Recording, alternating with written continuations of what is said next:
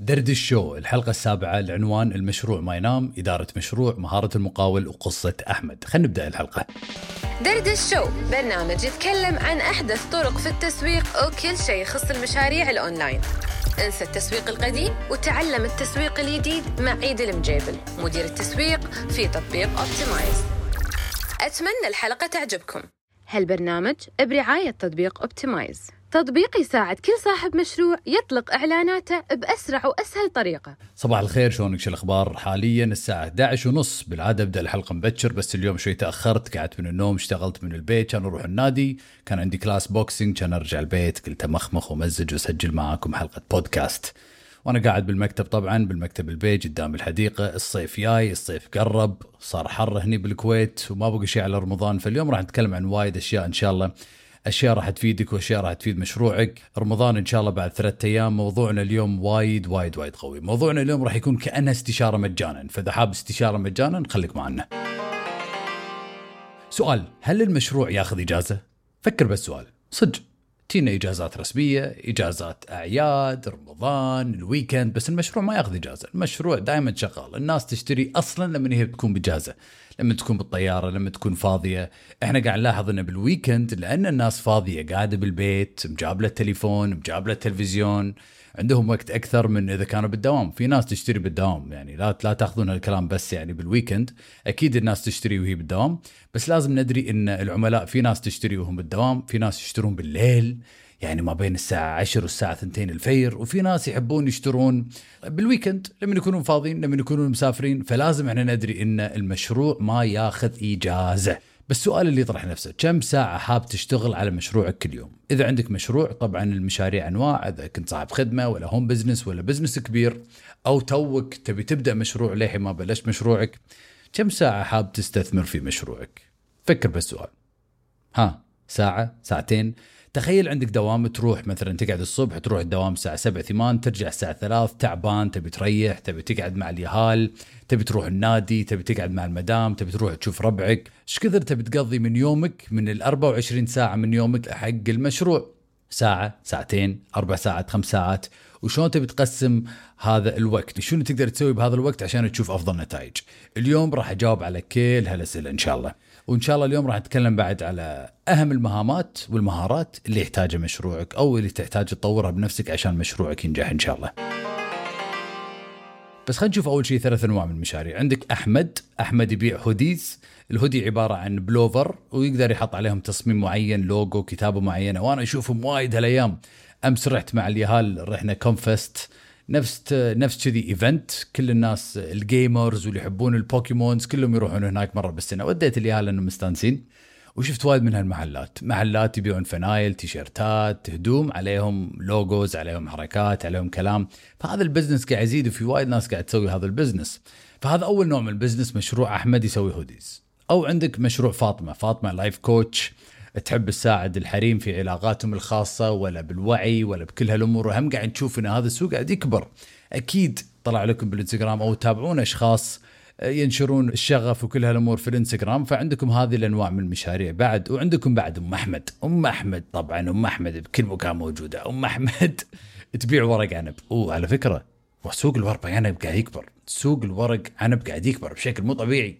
كل ما سوينا أيام عندنا ولا gathering ولا قعدة رحت الديوانية شفت واحد جايب ورق عنب. ورق عنب حركات كبار صغار مقصص حار بارد آه، مع مسخن من غير مسخن. فورق عنب السوق الورق عنب قاعد يكبر. فاليوم عندنا ثلاث أنواع من المشاريع. أحمد اللي يبيع hoodies فاطمة ال life coach أو أم أحمد اللي تبيع ورق عنب بالبيت اللي عندها home business صغير. أي مشروع تبون نسولف عنه اليوم؟ أنا ودي اليوم أسولف عن أحمد وراح نفصفص بالضبط أحمد قاعد يسوي في مشروعه. من أول ما يقع من النوم لين ينام شنو يسوي بيومه في مشروعه؟ خلينا نشوف أحمد مع بعض يا شباب. أحمد الله يسلمك يقعد من النوم. يفتح الانستغرام أو الواتساب يرد على الرسائل والعملاء ويحاول يبيع لهم ويسكر البيعة. فلما يتواصلون مع العملاء بالواتساب يحاول يرد عليهم يرد على استفساراتهم يدز لهم صور المنتجات ويحاول يسكر له كم بيعه ومن عشر أشخاص أحمد قدر يقنع شخصين. شروا حلو. من عشر أشخاص أحمد قدر يقنع شخصين. أحمد شو يسوي بعدين؟ أنا شوف باخذكم خطوة خطوة ها؟ الخطوة الأولى أحمد يقع من النوم الخطوة الثانية يفتح الإنستغرام والواتساب الخطوة الثالثة يرد على الرسائل الخطوة الرابعة يحاول يبيع لهم يحاول يقنعهم ويسكر البيعه ومن عشر أشخاص الخطوة الخامسة أحمد قدر يقنع شخصين يشترون. الخطوة السادسة أحمد يدز رابط الدفع حق هذيل العملاء. الخطوة السابعة العميلين بعد ساعة ولا ساعتين يدفعوا المبلغ. الخطوة الثامنة أحمد يطلب منهم عنوان التوصيل. الخطوة التاسعة أحمد يقول لهم أنه في أقل من 24 ساعة الطلب راح يوصل لكم. الخطوة العاشرة أحمد يجهز الطلب ويقعد يسوي الفنايل ويحط عليهم اللوجو والتصاميم وياخذ له تقريبا والخطوة ال 11 طبعا التجهيز ياخذ ما بين الأربع إلى ست ساعات من وقت. أحمد الخطوة ال 12 بعد يوم الطلب جاهز. الخطوة ال 13 أحمد يتواصل مع شركة توصيل لاستلام وتوصيل الطلب. الخطوة ال 14 الطلب في الطريق للعملاء.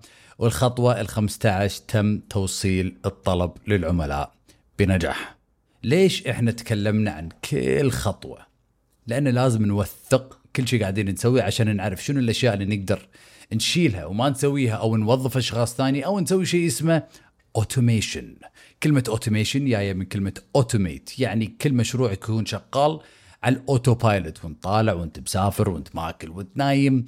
بس عشان نسوي هذا الشيء لازم أول شيء نوثق شنو بالضبط قاعدين نسوي في مشروعنا ونقسم كل هالأشياء ونعرف بالضبط شنو قاعدين نسوي. ولما تكتبون هذا الشيء قدامكم أنا قاعد أقرأ هذه الأشياء. ترى أنا الحين حاط ايبادي قدامي.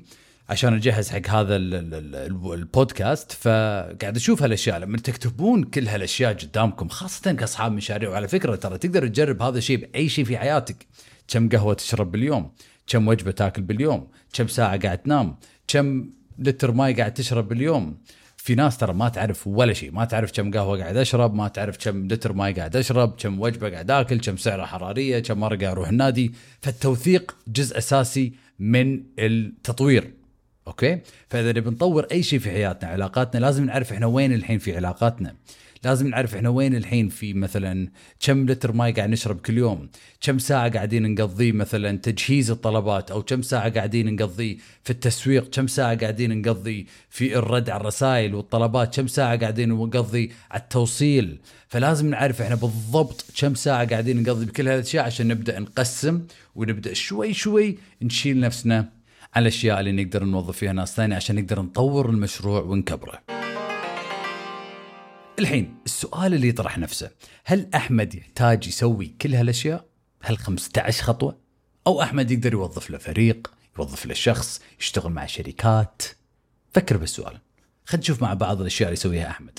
أحمد من يرد على الرسائل. اذا إذا إذا فتح الإنستغرام ولا الواتساب ولقى له 70 رسالة 50 رسالة 30 رسالة مسوي له حملات إعلانية وشغالين ووايد ناس قاعد تتواصل معاه قاعد تضغط على الإعلان قاعد تواصل على الواتساب قاعد تدز له مسجات بالخاص. شلون راح يرد عليهم كلهم؟ ممكن ياخذ له ساعة ساعتين. بس شنو المشكلة هني؟ فكر فيها. إذا أنا رديت على عشرة وخليتهم ورديت ورديت على عشرة ثانيين وردوا علي أول عشرة. راح أنسى شنو قلت لهم متى تواصل وياهم شنو صار عليهم شنو كان سؤالهم. فراح يصير يعني راح تصير دودها راح تصير لخبطة راح تصير لوية. وأغلب أصحاب المشاريع كذي مو منظمين. وهذا ليش يعني تقدر تسوي لك CRM تقدر توظف لك شخص مختص بس إنه يتبع مع العملاء. يعني إذا كل يوم 20 ولا 10 أشخاص ولا 5 أشخاص قاعدين يتواصلون معاك بعد شهر راح يصير عندك ألف شخص موجود بالواتساب ألف شخص موجود بالإنستغرام. شو تخلي شو ترد شو تسوي؟ راح تضيع. فلازم لازم تشوف لك حل تشوف لك صرفة. أنا كذي قبل يمكن سنة كان إيميلي الشخصي كان فيه تقريبا 21 ألف رسالة. ومخليهم شي كل يوم ما قاعد اشيك وقاعد أسحب. فالموضوع طول. فقلت لازم أشوف لي حل. المهم نظفت الأمور الحين. ولما أرتب الأمور سواء أرتب مكتبي أرتب كبت مال هدوم أرتب الايميلات أرتب الصور اللي بتليفوني أرتب المحادثات. مخي راح يصير اهدى وأنا راح أقدر أشتغل وكل شيء راح يكون أوضح. وأنا ما قاعد أقول لك رتب كل شيء في حياتك الحين بس وثق أخذ أي شيء في حياتك تبي توثقه وراح تشوف إنه بس توثق تكتب كل شيء بيومك شنو أنا سويت اليوم كم ساعة قضيت راح تشوفون أو راح تشوفين التغيير بسرعة. خلينا نشوف مع بعض شنو خيارات أحمد. هل أحمد يقدر يشتغل مع شركة توصيل؟ يتفق مع شركة. كل يوم يمرون البيت ما بين الساعة 5 و7 ويأخذون الطلبات حق هذا اليوم. خلص أحمد من هذا الموضوع. هل أحمد يقدر يوظف له شخص يرد على الرسائل؟ وممكن هذا الشخص يكون أحد عملائه أحد من أقاربه أحد من ربعه. وإن شاء الله بعد كم حلقة راح أتكلم عن شلون نقدر نوظف فريق عن بعد. شلون تقدر توظف أهمية التوظيف ترى هذه مهارة وايد ناس تتجاهلها ما يدرون يوظفون أشخاص ويحسون إنهم ضايعين وقاعدين يسوون كل شيء بروحهم فأهمية التوظيف راح نتكلم عنه إن شاء الله في حلقات الجاية في البودكاست فمنو أحمد يقدر يوظف؟ هل أحمد يقدر يوظف شخص يساعده في تجهيز الطلب؟ وترى تجهيز الطلب ممكن يكون طبخ صح؟ ممكن يكون تغليف ممكن يكون آه، مثلا اللي قاعد يسويه الحين أحمد مع الهوديز تصميم فالتجهيز تقدر تتعامل مع شركة. في شركات تخزين تحط الطلبات عندهم وهم يغلفون بناء على طلب العميل. أول ما يوصل لهم الطلب بالواتساب أو يوصل لهم بالإيميل وهم فريقهم يجهزون الطلب وعلى طول يوصلونه. في شركات وايد تقدرون تتعاملون معاهم بالكويت بالخليج بالوطن العربي لوجيستكس كمباني لوجستية يساعدونك في التخزين في التوصيل. وأنت اللي عليك كصاحب مشروع تجيب لهم الطلبات. حلوين حلوين. لأن لازم نسأل نفسنا كم أكبر عدد من الطلبات اللي أحمد يقدر يجهزه بروحه؟ إذا أحمد ياله 20 طلب باليوم وأحمد ما يقدر يجهز إلا طلبين باليوم إيش راح يسوي؟ فلازم إحنا نفكر بكل هالأمور. وأكيد أكيد أكيد أكيد هذا أهم سؤال شنو هدف أحمد في مشروعه؟ يا أخي مو كل الناس يبون يكبرون مشروعهم يصير مثل ابل ولا شركة عالمية ولا يتوسع بكل الدول. في ناس تبي مشروع صغير على قد حالهم يطلع لهم ألف ولا ألفين دولار بالشهر وبس. أنا راضي بشتغل لي ساعتين بقعد مع أهلي بوظيفتي أنا مستانس ما أبي أقدم استقالتي فيعني يعتمد على هدفك. وطبعا مهارة المقاول من أهم المهارات. أنا تكلمت عن مهارة المقاول بكل دوراتي وكنت أتكلم عنها وايد بعد بالإنستغرام وبالمحتوى. مهارة المقاول الله يسلمك التالي. إذا أنا ببني بيت أحتاج صباغ ونجار وحداد. بس هالأشخاص بروحهم ما راح يقدرون يبنون البيت من يحتاجون يحتاجون المقاول. وشغل المقاول إنه يوجه كل هالأشخاص باتجاه هدف معين. باتجاه شنو؟ بناء البيت. ونفس الشيء المشروع. أحتاج مصممين أحتاج مبرمجين أحتاج إدارة حساب الإنستغرام أحتاج خدمة العملاء أحتاج شخص يجهز أحتاج شخص يوصل أحتاج شخص يتبع ويتواصل وكل هالأمور نقدر نصير إحنا المقاولين في مشروعنا. وهذا يسمونه مثل ما قلت لكم بداية الحلقة automation كل مشروع يحتاج automation صدقوني كل المشاريع الكبيرة جايبين الناس إذا كان شخص واحد ما في مشروع كبير قائم على شخص واحد. دائما عندهم فريق دائما عندهم automation دائما عندهم أشياء شغالة من غير لا هم موجودين. ومثل ما قلت لكم المشروع ما ياخذ إجازة. والمشروع مثل الياهل يولد صغير وضايع وبعدين يصبح مراهق ويجازف. بعدين يكبر وكل مشروع بالعالم في مشاكل سواء كان كبير أو صغير صدقني. اللي أبيه منك اليوم. توثق كل شيء قاعد يصير في مشروعك صغير أو كبير مهم أو غير مهم. وبس هذا تمرين راح يفتح عيونك إن شاء الله على أمور كثيرة. يعطيك العافية على وقتك وهذه كانت حلقة اليوم من درد الشو. نشوفك إن شاء الله بالحلقة الجاية.